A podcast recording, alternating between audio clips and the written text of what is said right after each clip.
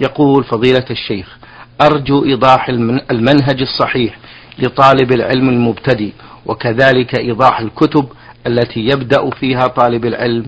جزاكم الله خيرا. الحمد لله رب العالمين وأصلي وأسلم على نبينا محمد خاتم النبيين وإمام المتقين وعلى آله وأصحابه ومن تبعهم بإحسان إلى يوم الدين.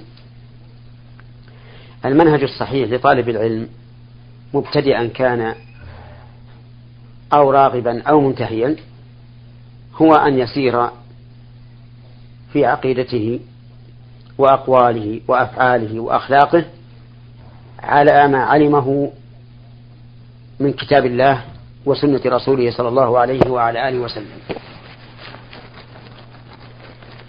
لأن ثمرة العلم هو العمل به والعلم إذا لم يعمل به من أعطاه الله إياه صار وبالا عليه. لأنه بالعلم قامت عليه الحجة وتبينت له المحجة. فإذا عاند وخالف صارت صار علمه حجة عليه ووبال عليه. ولهذا قال النبي صلى الله عليه وعلى آله وسلم القرآن حجة لك أو عليك. وعلى طالب العلم المبتدئ والراغب والمنتهي أن يظهر أثر علمه عليه بالوقار والسمت الحسن والخلق الجميل.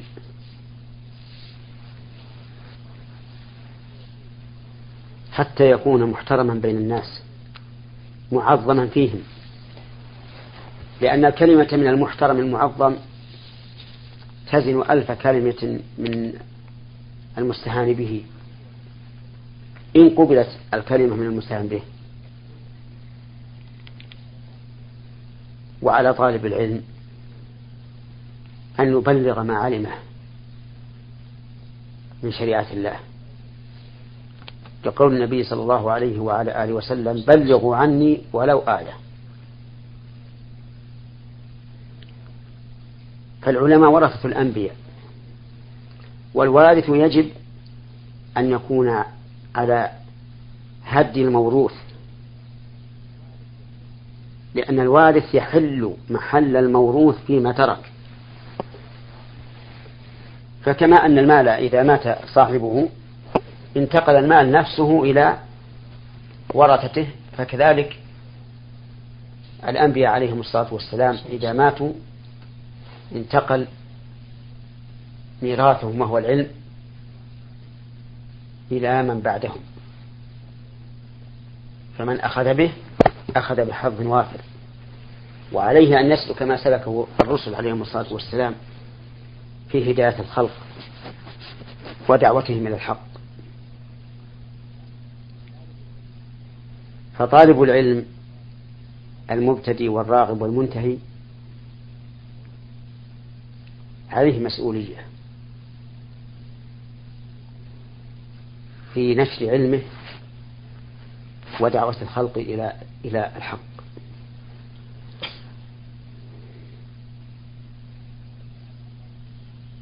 وعلى طالب العلم المبتدئ والراغب والمنتهي عليه أن لا يقع في قلبه حسد لأحد. فإن الحسد من أخلاق اليهود. وهو خلق ذميم. وأول ما يتضرر به صاحبه. لأنه كلما رأى نعمة الله على أحد احترق قلبه.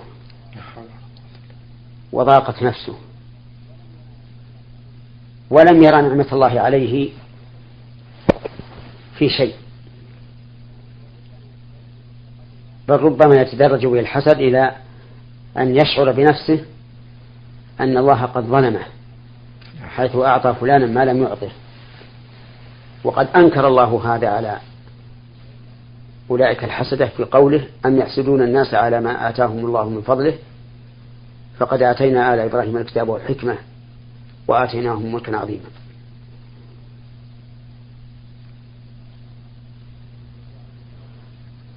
وليعلم الحاسد من طالب العلم وطالب المال وطالب الولد أن حسده لا يمكن أن يمنع فضل الله على المحسود.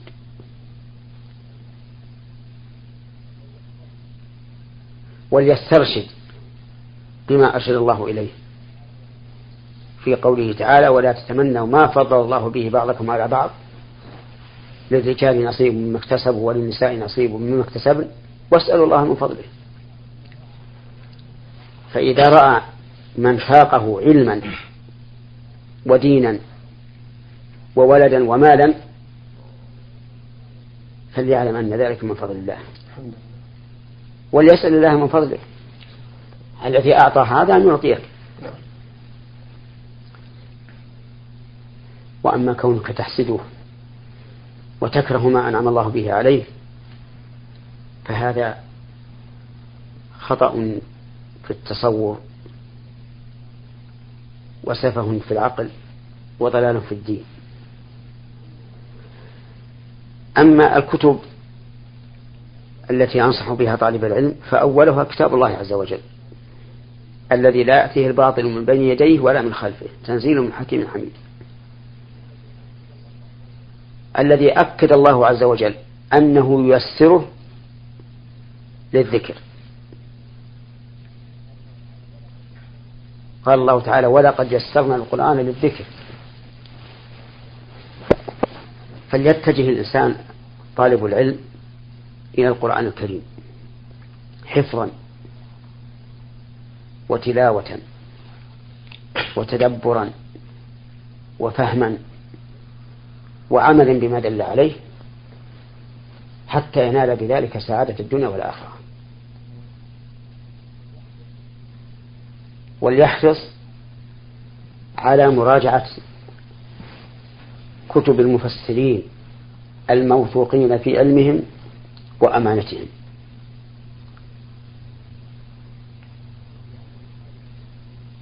لأن مشارب المفسرين في القرآن الكريم مختلفة. ومنها ما هو ضلال.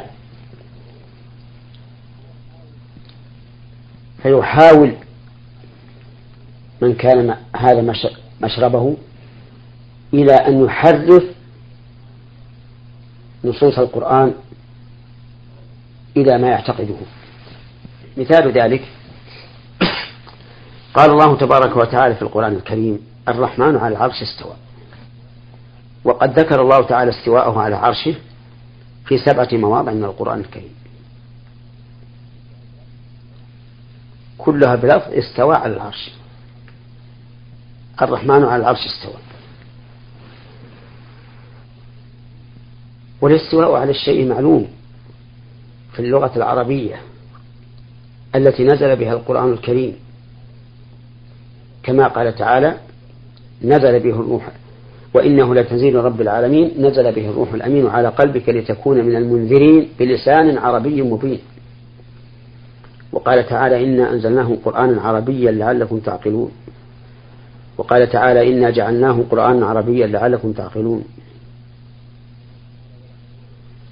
وقال تعالى ولقد نعلم أنهم يقولون إنما يعلمه بشر لسان الذي يلحدون إليه أعجمي وهذا لسان عربي مبين.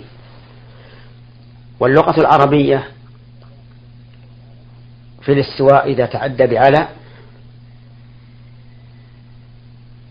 أن معناه العلو على الشيء. كما قال تعالى وجعل لكم من الفلك والأنعام ما تركبون لتستووا على ظهوره ثم تذكروا نعمة ربكم إذا استويتم عليه. وتقولوا سبحان الذي سخر لنا هذا وما كنا له مقرنين. فاستواء الله على عرشه علوه عليه على وجه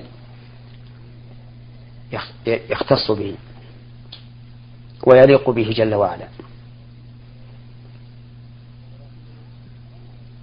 ولكننا لا نعلم كيفيته لأن الله تعالى أخبرنا بأنه استوى على عرشه ولم يخبرنا كيف استوى. ولهذا لما سأل رجل الإمام مالك رحمه الله فقال يا أبا عبد الله الرحمن على العرش استوى كيف استوى؟ أطرق مالك برأسه حتى جعل يتصبب عرقا من شدة ما نزل عليه من هذا السؤال. ثم قال الاستواء غير مجهول والكيف غير معقول والإيمان به واجب والسؤال عنه بدعة. وقال ما ما أراك إلا مبتدعا. ثم أمر به فأخرج من المسجد النبوي. لأنه سأل عن شيء لا يسعه إلا السكوت عنه. فإن الصحابة لم يسألوا عنه رسول الله صلى الله عليه وعلى آله وسلم. وهم أحرص منا على معرفة صفات الله عز وجل وأشد منا تعظيما لله وأشد منا حبا للعلم وعندهم من إذا سألوا فهو أجر بالإجابة منا. عندهم من إذا سألوه فهو أجزى بالإجابة منا وهو رسول الله صلى الله عليه وعلى آله وسلم. ولم يسألوا يوجد من المفسرين. من يفسر استوى على العرش أي استولى عليه وملكه وقهره بقوة السلطان والسيطرة.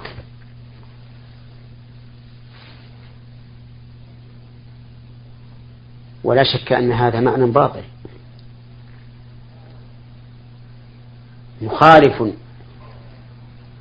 لما تقتضيه دلالة القرآن الكريم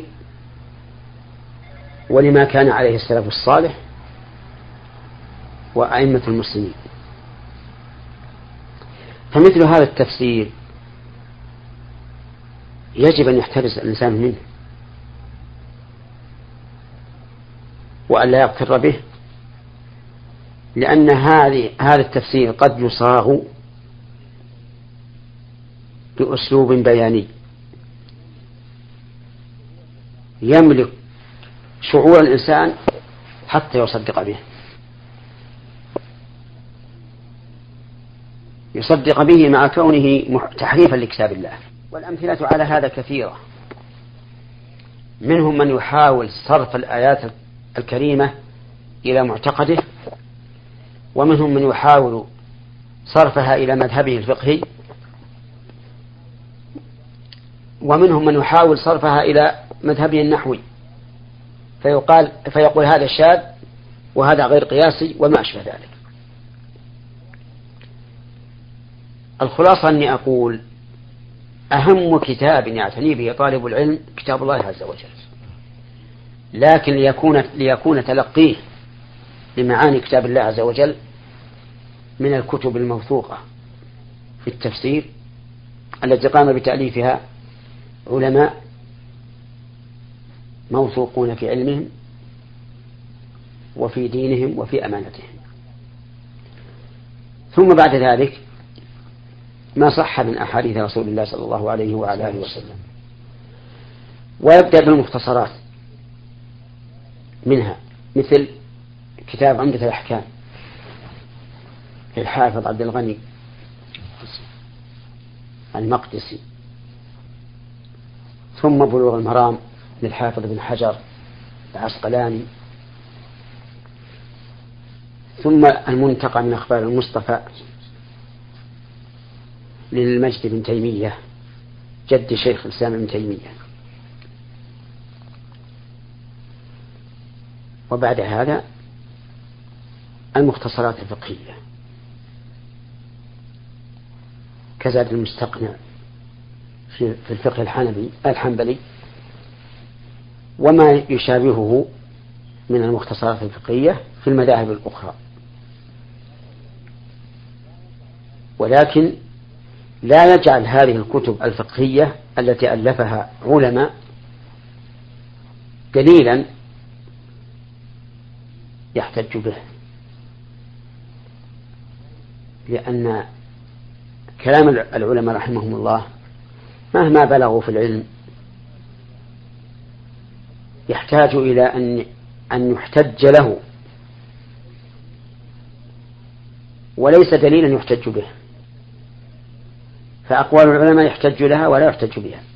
لكنها لا شك أنها مما يستأنس به ويستشهد به. فإذا تمكن الإنسان من هذه الكتب الفقهية ويسر الله له شيخا يبين له معناها ويبين الراجح من المرجوح فإنه يحصل على خير كثير. وإنني أحث طلبة العلم على الاعتناء بالأصول والقواعد. لأنها هي العلم حقيقة. أما أفراد المسائل فهي وإن كانت علما لكنها لا تعطي الإنسان ملكة يستطيع بها أن يعرف الراجح من المرجوح والصحيح من الضعيف. وأسأل الله تعالى أن يكثر من أمثال هذا السائل آمين. في جامع في جامعاتنا. آمين آمين. جزاك نعم. الله خير يا شيخ. شيخ هل لطالب العلم أن يتخذ شيخا معينا يراجع معه أو يتخذ أكثر من شيخ؟ أرى أن أن يتخذ شيخا واحدا. طيب. ما دام في ابتداء الطلب. لأن المشايخ ربما تختلف آراؤهم في مسألة ما.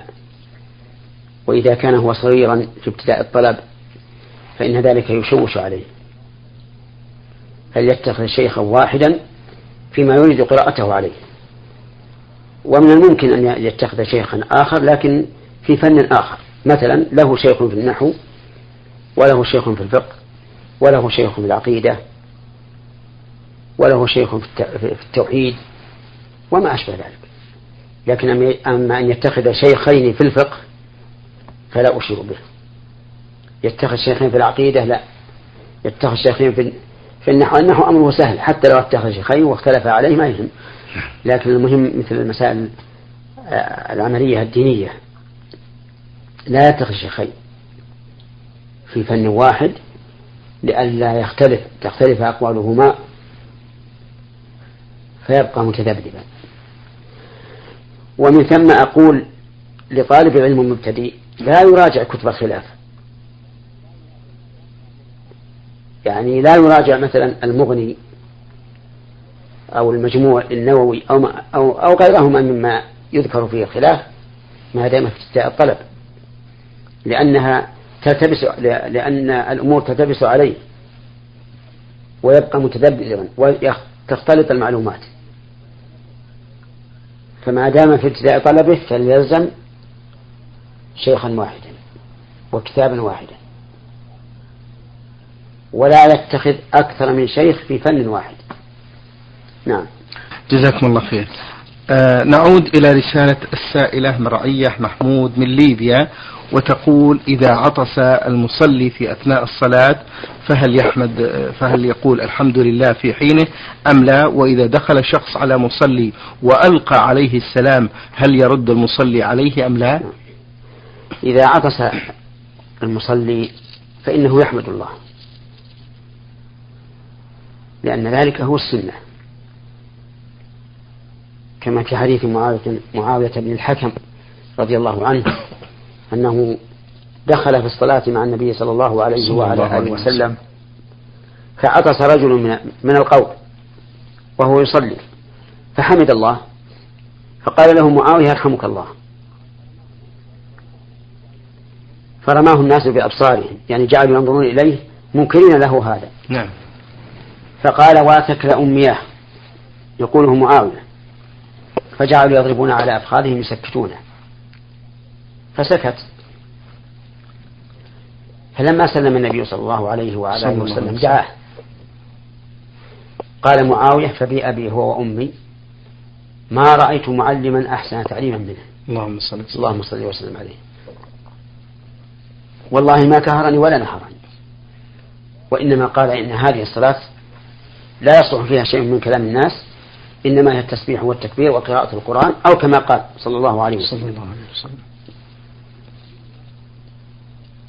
ونستفيد من هذا الحديث أن المصلي إذا عطس فليحمد الله. لأن النبي صلى الله عليه وسلم لم ينكر على العاطس الذي حمد الله. ونستفيد منه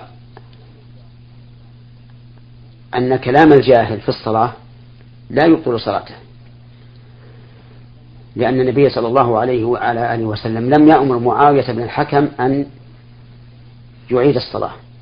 ونستفيد من ذلك حسن خلق النبي صلى الله عليه وعلى آله وسلم. ومعاملته للجاهلين. فإنه صلوات الله وسلامه عليه بحكمته يعامل كل إنسان بما يستحق. فيعامل الجاهل على حسب جهله.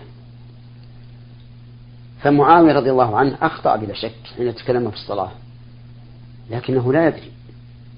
ولو كان يدري ما فعل. ولهذا علمه النبي صلى الله عليه وسلم بدون أن يقهره أو ينهره.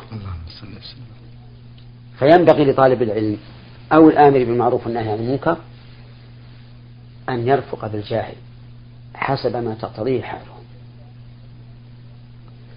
وانظر إلى قضية أخرى تشبه هذه القضية. وذلك حين جاء رجل فدخل المسجد وكان أعرابيا. فتنحى ناحية فجعل يبول في المسجد. نعم. فزجره الناس وصاحوا به. فنهاهم النبي صلى الله عليه وسلم. قال لا تزرموه يعني لا تقطعوا عليه بوله. خلوه يبول. وينتهي. فلما قضى بوله دعاه النبي صلى الله عليه وسلم. وقال له إن هذه المساجد لا يصلح فيها شيء من الأذى أو القدر وإنما هي للصلاة وقراءة القرآن أو كما قال صلى الله عليه وعلى آله وسلم. فما كان من الأعراب إلا أن قال اللهم ارحمني ومحمدا ولا ترحم معنا أحد فانظر إلى الحكمة في معاملة الجاهل. هذا رجل يبول في أشرف بقعة على الأرض من بعد المسجد الحرام. وأمرهم النبي عليه الصلاة والسلام أن يتركوه حتى يقضي بوله. ثم كلمه بهذا اللطف سلام. عليه الصلاة والسلام. فلكل مقام مقال. وانظر إلى الرجل الذي رأى عليه النبي صلى الله عليه وسلم خاتما من الذهب. فخلعه النبي صلى الله عليه وسلم بيده ورمى به. وقال يعمد أحدكم إلى جمرة من نار فيضعها في يده أو كما قال عليه الصلاة والسلام.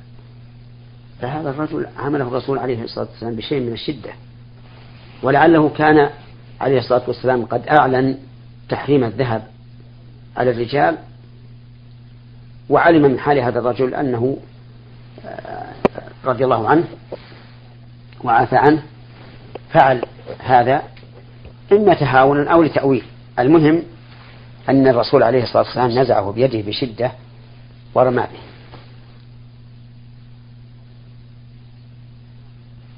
وهذا أحث إخواني طلبة العلم والآمر بالمعروف والنهي عن المنكر أن يستعملوا الحكمة في إرشاد الناس. وينزل كل إنسان منزلته.